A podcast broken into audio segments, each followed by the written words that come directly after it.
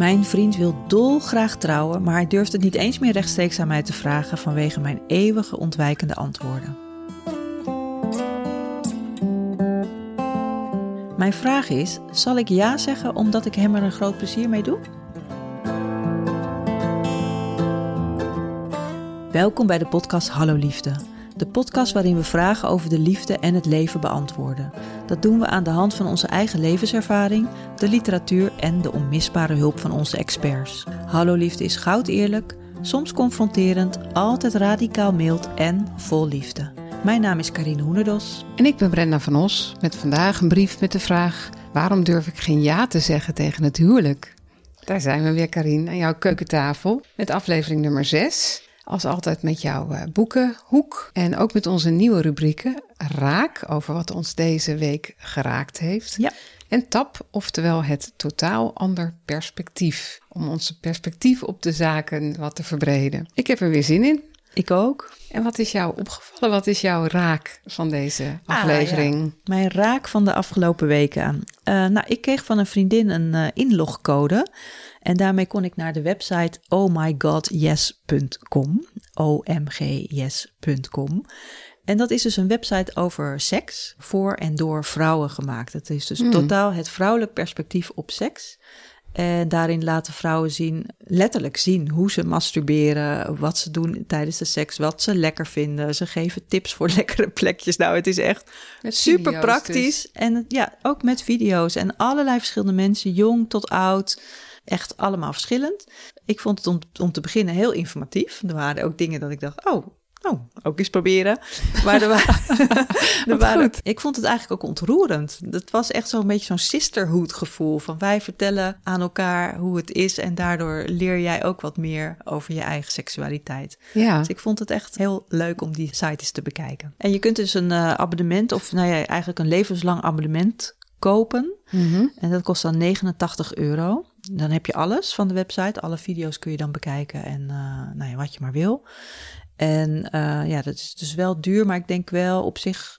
Het is, ik snap wel dat het zo duur is, want het is echt heel mooi gemaakt. Er zit ook gedegen onderzoek achter. Ze hebben heel veel mensen geïnterviewd. En, dus het is wel, eh, ik snap dat het duur, zo duur is. Zou je het je dochter aanraden of laten zien? Ja, ik denk het eigenlijk wel. En, en ook wel mijn zoons. Want dan, eh, ja, dan leren ze ook hoe dat werkt bij de vrouwen. Dus ik denk, ja, misschien wel een goed idee. Ja, oké. Nou, ik wil ook wel eens even kijken. Ja.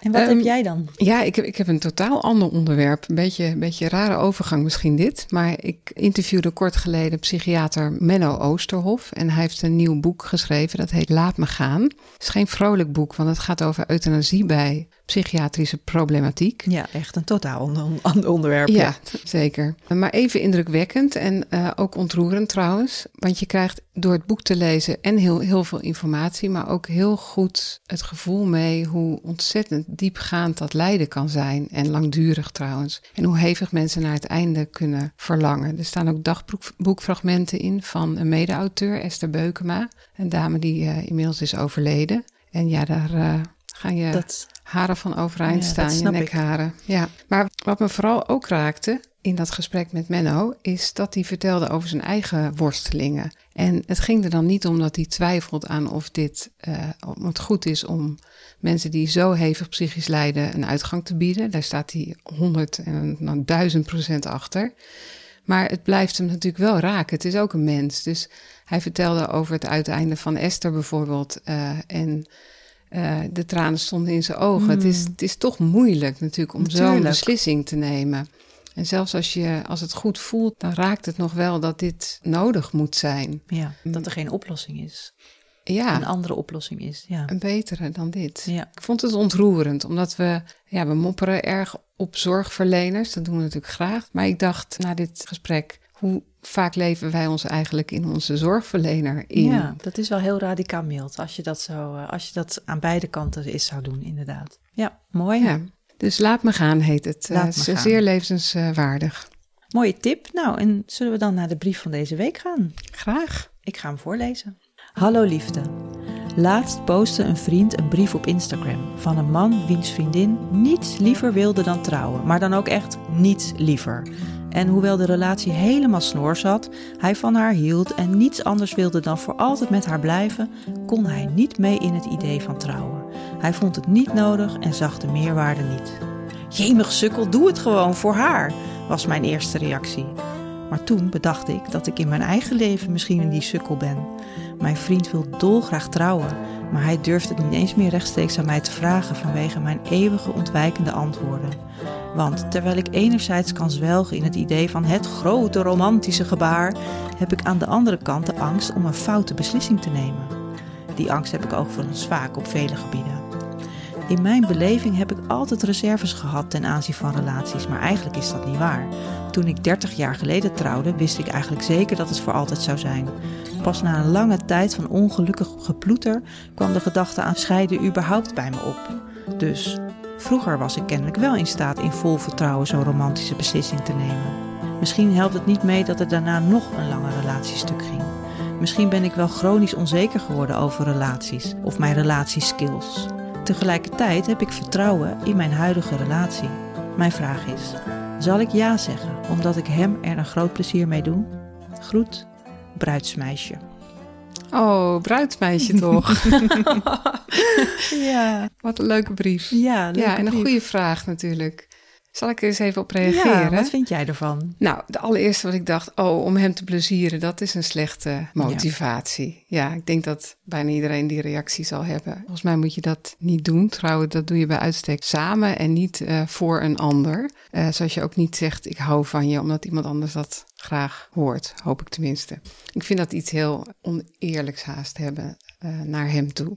Wat ik ook dacht bij deze brief is, ik ben zo benieuwd naar zijn beweegredenen. Oh, waarom hij zo graag wil trouwen? Ja, want dat maakt voor mij ook nog wel uit in het soort uh, oplossing wat je zou kunnen bedenken. Stel dat hij nou gewoon heel graag een groot feest wil en hun liefde wil vieren. Ja, dan kan je dat ook doen als je acht jaar bij elkaar bent. Of uh, omdat het zaterdag is. Of omdat uh, de cake zo goed gelukt is. Gewoon wat je wil natuurlijk. Mm -hmm. En dan is daar misschien uh, bij, met de bezegeling van een knalfeest waar iedereen bij is. En nog een keer zeggen hoeveel je van elkaar houdt, is dat voor hem ook genoeg? En kan zij zich daar ook helemaal in vinden? Ja, dat kan. Probleem opgelost. maar als het voor hem nou echt staat voor de bekrachtiging van hun liefde, dan vraag ik me een beetje af wat, wat mist hij dan nu, wat hij daarin zoekt? Oh ja. En ook omdat zij schrijven, ja, ik geef van die ontwijkende antwoorden. Uh, continu denk ik van nou, volgens mij moeten deze twee mensen even aan tafel. En is het gewoon tijd voor een, uh, een goed gesprek. Ja, hierover. Ja, ja hierover. Ja, ja. ja.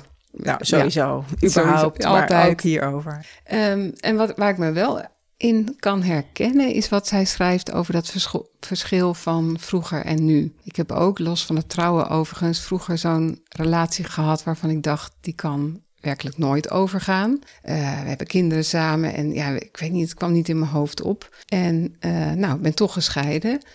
En de relatie die ik nu heb, hoop ik natuurlijk ook te houden. Maar ik merk dat die mogelijkheid dat het ook ooit zou kunnen stoppen, dat die wel meer aan de oppervlakte ja. ligt. En ja, dat we je dat... verliest echt die onbevangenheid van vroeger. Ja, precies. Ja. En ik denk niet dat door te trouwen je dat wegneemt bij jezelf. Het is gewoon een soort levenservaring die, zoals veel levenservaring, het leven makkelijker maakt. Het in dit geval iets complexer uh, ja. wordt. Ja, of je weet gewoon uit ervaring, het kan ook mislukken. Ja, of mislukken. Het kan het ook kan overgaan. overgaan. Dat is of beter gewoon gezegd. niet werken ja. uh, om allerlei redenen die je die ja, niet wil. Nee, precies.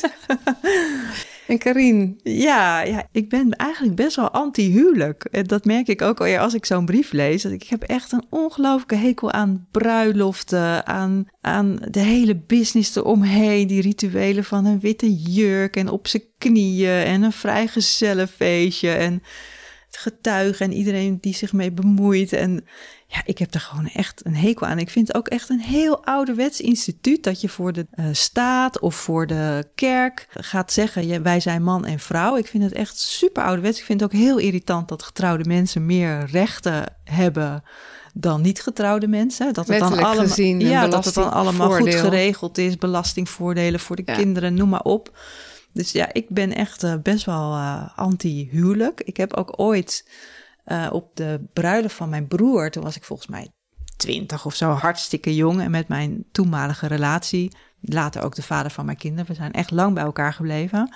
Toen zaten we in de keuken van dat, uh, het was allemaal low budget. We zaten in de keuken achter een hele grote pot augurken, weet ik nog. En toen hebben we op video gezegd, wij gaan samen nooit trouwen. Want we hadden allebei zoiets van, nou, dat trouwen, dat is toch zo ouderwets. Misschien is het er nog, die video met die pot augurken. Zet je hem op Insta dan? Ja. Als ik het vind, zet ik hem op Insta. Ik zou niet weten. Aan de andere kant, ik was vanochtend even bij een vriendin en die vertelde me dat zij ten huwelijk was gevraagd tijdens een vakantie in Amerika van, door haar Amerikaanse vriend. En toen raakte ik echt ook wel weer ontroerd. Oh, dus de romantiek zit er toch. Ja. ja, dat weet ik niet. Maar het is, ja, misschien vind ik dat verloven eigenlijk nog wel leuker dan dat trouwen. Want het verloven is gewoon de intentie, dat is iets van je samen.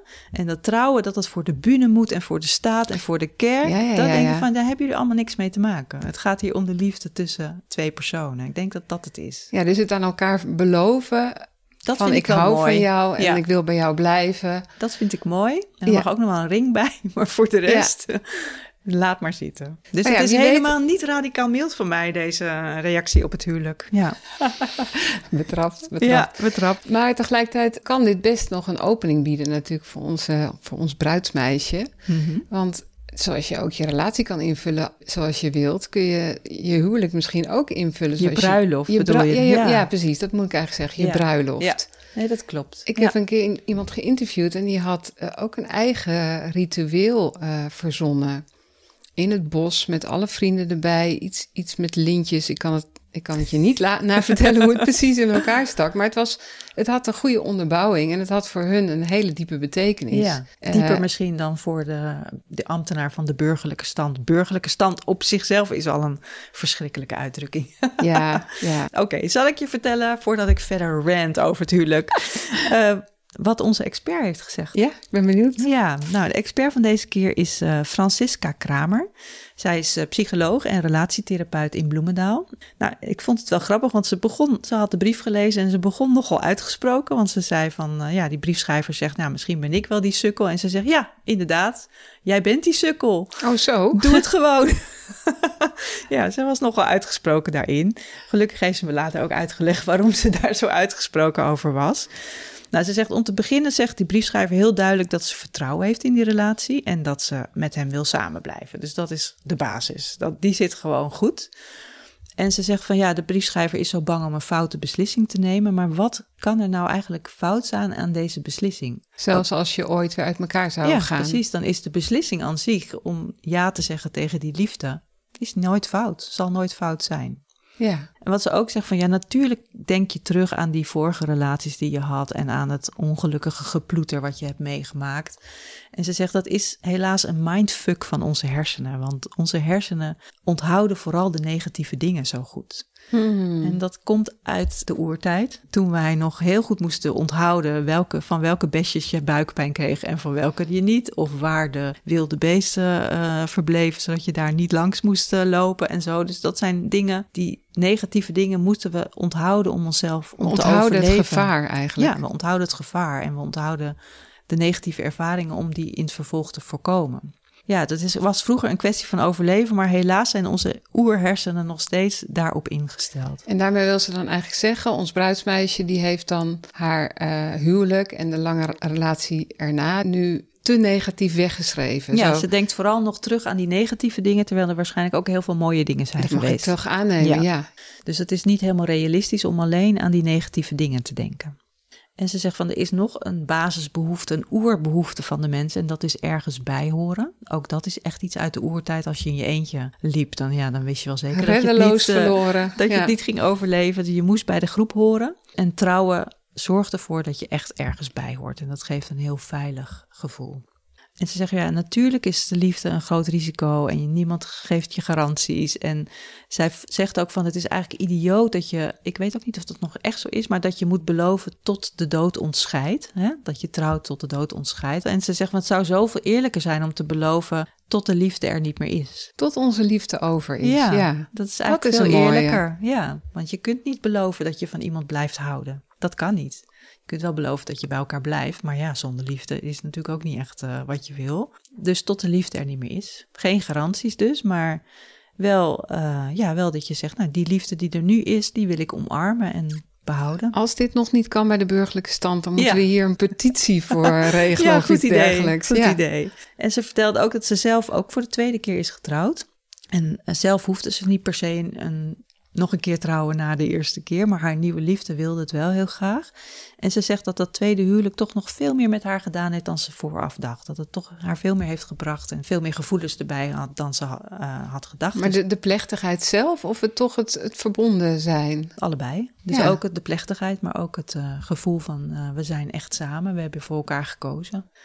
Nou, dan hebben we het ook nog even gehad over hechtingstijlen en hoe dat nou zit in een relatie. Misschien ken je dat, de theorie dat je als kind veilig gehecht bent of onveilig gehecht. Eh, als je veilig gehecht bent, dan waren je ouders er voor je. Ze beschermden je, maar ze lieten je ook vrij je dingen ontdekken. Ze waren emotioneel beschikbaar ook. Ja, nou, dat is, geldt voor ongeveer 70% van de mensen, zei Francisca. Maar je kunt ook onveilig gehecht zijn. Bijvoorbeeld als je weinig aandacht kreeg van je ouders. Of omdat je voorwaardelijke liefde kreeg in plaats van onvoorwaardelijke liefde. Dus Ja, als, als je, jij dit, dan... als je het goed deed, Ja. dan wel. Of als, ja, nog erger als er agressieve ouders eh, waren of verwaarlozing. Mhm. Eh, nou, dat geldt dus voor ongeveer 30% van de kinderen. En dan ben je onveilig gehecht en dan kun je eigenlijk twee kanten op. Je kunt vermijdend zijn of angstig. Als volwassene dan. Als hè? volwassene, je- ja. En eh, nou, de vermijders, dat zijn mensen die dan bindingsangst hebben. Dus die, als er dan ruzie is of gedoe, dan zeggen ze, oh, laat maar, ik ga alweer. En dan trekken zich terug. En de angstige mensen, die hebben dan weer de verlatingsangst. Dus die worden heel bang als er bijvoorbeeld ruzie is en gaan dan heel erg vastklampen aan de persoon eh, die je bent. Ja, ik Eh, vind het altijd fascinerende materie. Ik zit ja. ook altijd meteen te denken, hoe zit het bij mezelf? Ja, hoe zit het bij mijn partner? ja, ja. Hoe, hoe zit het bij mijn kinderen? Ik Eh, hoop ja, goed. ja, dat, nou, dat is een aflevering apart. Ja. ja. En zij zegt van waar- waarom ze dit nou vertelde, zegt ze van een huwelijk is, kan zo'n veilige haven zijn, juist als je onveilig gehecht bent. Omdat het dan zo duidelijk is afgesproken, wij horen bij elkaar, we zijn bij elkaar. En vanuit die veiligheid eh, ontstaat er een bedding waaruit je jezelf kunt ontwikkelen en waaruit je die onveilige hechting kunt helen. Oh, wauw. Ja, vond ik heel mooi. Ja. dus als je zeg maar altijd hebt gevoeld dat liefde iets voorwaardelijks is of iets onvolkomens, het feit dat het dan wordt uitgesproken, dit is 100% en dit is helemaal Ja. van ons Dan, voor de eeuwigheid. dat geeft dan zoveel veiligheid Ja. dat je dan, ja, dat dat kan helen. Ja. Oh, god, dat heb ik me nog nooit gerealiseerd. Mooi. Eh, ze raden ook een boek aan daarover en dat heet Verbonden. eh, van twee Amerikaanse schrijvers en volgens mij ook psychotherapeuten, eh, Rachel Heller en Amir Levine. En die hebben ook een vragenlijst ontwikkeld waarmee je kunt testen hoe jij gehecht bent. Dus, Mm. Oh, die moeten we in de show notes ja, die zetten. zet ik in de show notes. Iedereen is dol op van die quizjes ook, hè? Maar als dit een echte serieuze is, Ja, een serieuze uitkomst. Ja dat, ja, dat kan ook nog. Ja, nou dat Voor is wat, eh, wat de expert zei. Dus eh, ja, haar, haar grootste boodschap is doe het. Wees geen sukkel, doe het. En, en hoe is dat dan voor jou om dit zo tot, gehoord te hebben als anti, eh anti-held, zullen we maar Anti-huwelijks, zeggen? eh, ja, nou dat wat ze zegt over dat, die hechtingstijl en die veilige bedding, dat vind ik mooi.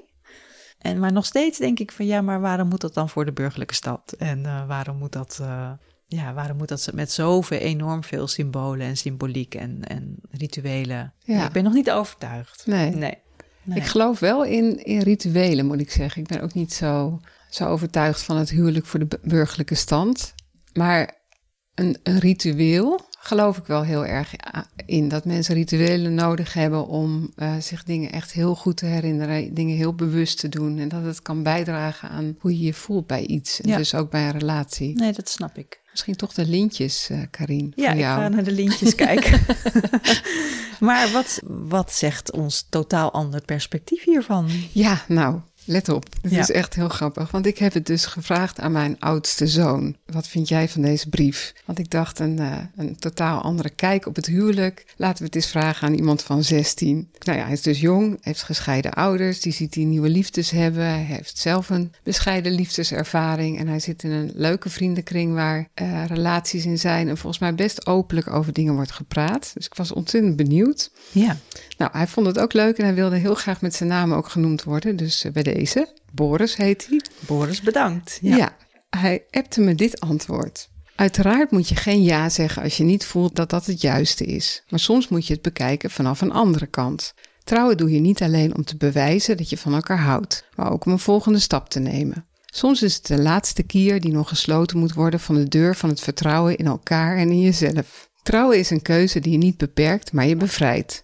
Juist tot het uiterste gaan kan ervoor zorgen dat deze onzekerheid in je relatie en relatieskills weggaat en je je weer helemaal bloot kan stellen aan je partner. Nou, hoe vind je dit? Nou, ik vind het ongelooflijk. Weet je zeker dat hij 16 is en ja, niet uh, ik heb hem zelf gebaard. 56, 66. Ik vind het echt zo wijs. Ik moet eerlijk zeggen, Boris gaat mij bijna overtuigen. Want ik vind het heel mooi dat hij dat zegt. Soms is het de laatste keer die nog gesloten moet worden van de deur van het vertrouwen. Nou, misschien wordt hij wel dichter later, want dat heeft het heel mooi gezegd.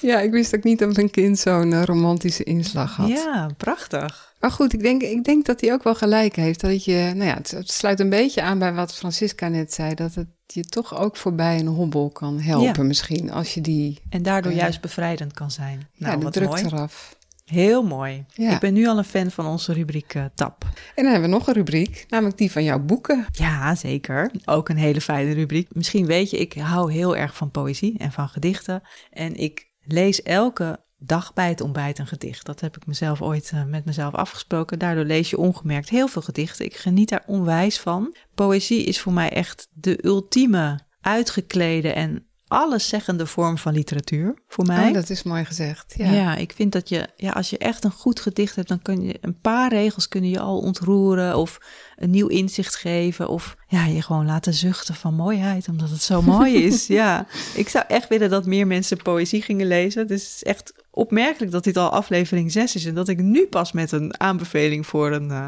poëzie ingehouden. Ik heb me echt ingehouden, ja. ja. En als je nou denkt, ja, ik lees nooit gedicht, ik vind het moeilijk, ingewikkeld, uh, dat moet ik verklaren, noem maar op. Is helemaal niet zo. Je moet er gewoon lezen en kijken wat het met je doet. En bij sommige gedichten gebeurt er niks. En bij andere gedichten denk je, oh wauw. En daarom zou ik aanraden om te beginnen met een bloemlezing, waarin dus gedichten van verschillende dichters staan. Ik heb een gedicht uitgekozen vandaag. Mm -hmm. Dat komt uit de bundel Ik heb de liefde lief. En dat is een bloemlezing die is samengesteld door Willem Wilnink. Hij is zelf ook een dichter en een tekstschrijver, een liedjesschrijver. Nou, hij heeft van alles en nog wat gedaan. Zal ik het gedicht voorlezen? Het is het beroemdste gedicht over het huwelijk. Het heet ook Het Huwelijk. En het is van Willem Elschot. Ja, ik ken het. En ik weet ook welke strofe daarin voorkomt. En mag ik die dan lezen? Ah, die hele beroemde zeker. Ja, van ja, uh, Tussen ja. droom en daad. Die, ja. Oké, okay, is goed. Gaan we samen lezen. Het Huwelijk. Toen hij bespeurde hoe de nevel van de tijd in de ogen van zijn vrouw de vonken uitkwam doven, haar wangen had verweerd, haar voorhoofd had doorkloven, toen wendde hij zich af en vrat zich op van spijt. Hij vloekte en ging tekeer en trok zich bij de baard en mat haar met de blik, maar kon niet meer begeren. Hij zag de grootste zonde in duivelsplicht verkeren en hoe zij tot hem opkeek, als een stervend paard. Maar sterven deed zij niet, al zoog zijn helse mond het merg uit haar gebeente, dat haar toch bleef dragen. Ze dorst niet spreken meer, niet vragen of niet klagen, en rilde waar ze stond, maar leefde en bleef gezond.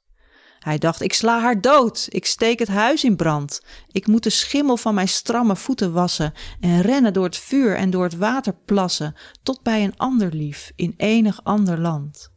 Maar doodslaan deed hij niet, want tussen droom en daad staan wetten in de weg en praktische bezwaren. En ook weemoedigheid die niemand kan verklaren en die des avonds komt, wanneer men slapen gaat. Zo gingen jaren heen, de kinderen werden groot en zagen dat de man die zij hun vader heette, bewegingsloos en zwijgend bij het vuur gezeten, een God vergeten en vervaarlijke aanblik bood. Oh, Karine. Wow, nou nu... Ja, nou, dit nu wil je toch nooit meer trouwen? Nee, niemand, echt niet. Ja, misschien was dit nog even een kleine, een kleine anti-huwelijkse daad van mij. Ik denk het wel. Ja. Oh jee, ja nee, dit is, dit is de gruwel natuurlijk. Dat Ja. je elkaar gewoon totaal... Doodwenst. En Ja, ja, dat en dood maakt ook van uitholt Ja. zo ongeveer. ja, het merg uit haar beenderen. Maar dan zie je ook dat zelfs die ouderwetse taal gewoon nog raakt en begrijpelijk Ja, is, hè? het is een prachtig gedicht. Heel Ja. mooi. Nou, dan zijn we alweer bij het einde. Wat voor brief hebben we de volgende keer? Die gaat over de vraag: hoe herstel ik de band met mijn broer en zus? Ah, mooi. Dat is ook liefde, hè? Dat is zeker ook liefde. Je luisterde naar Hallo Liefde, de podcast waarin we vragen over de liefde en het leven beantwoorden. Hallo Liefde werd gepresenteerd door Carine Hoenderdos en Brenda van Os. Onze expert van vandaag was psycholoog Francisca Kramer van psycholooginbloemendaal.nl. De podcast werd mede mogelijk gemaakt door de Kennemer Boekhandel in Haarlem. Wil je ook een brief sturen? Dat kan. Stuur je brief naar halloliefde.gmail.com. Wie weet wordt jouw vraag anoniem behandeld in een volgende aflevering. Tot de volgende keer. Tot dan. Tot dan.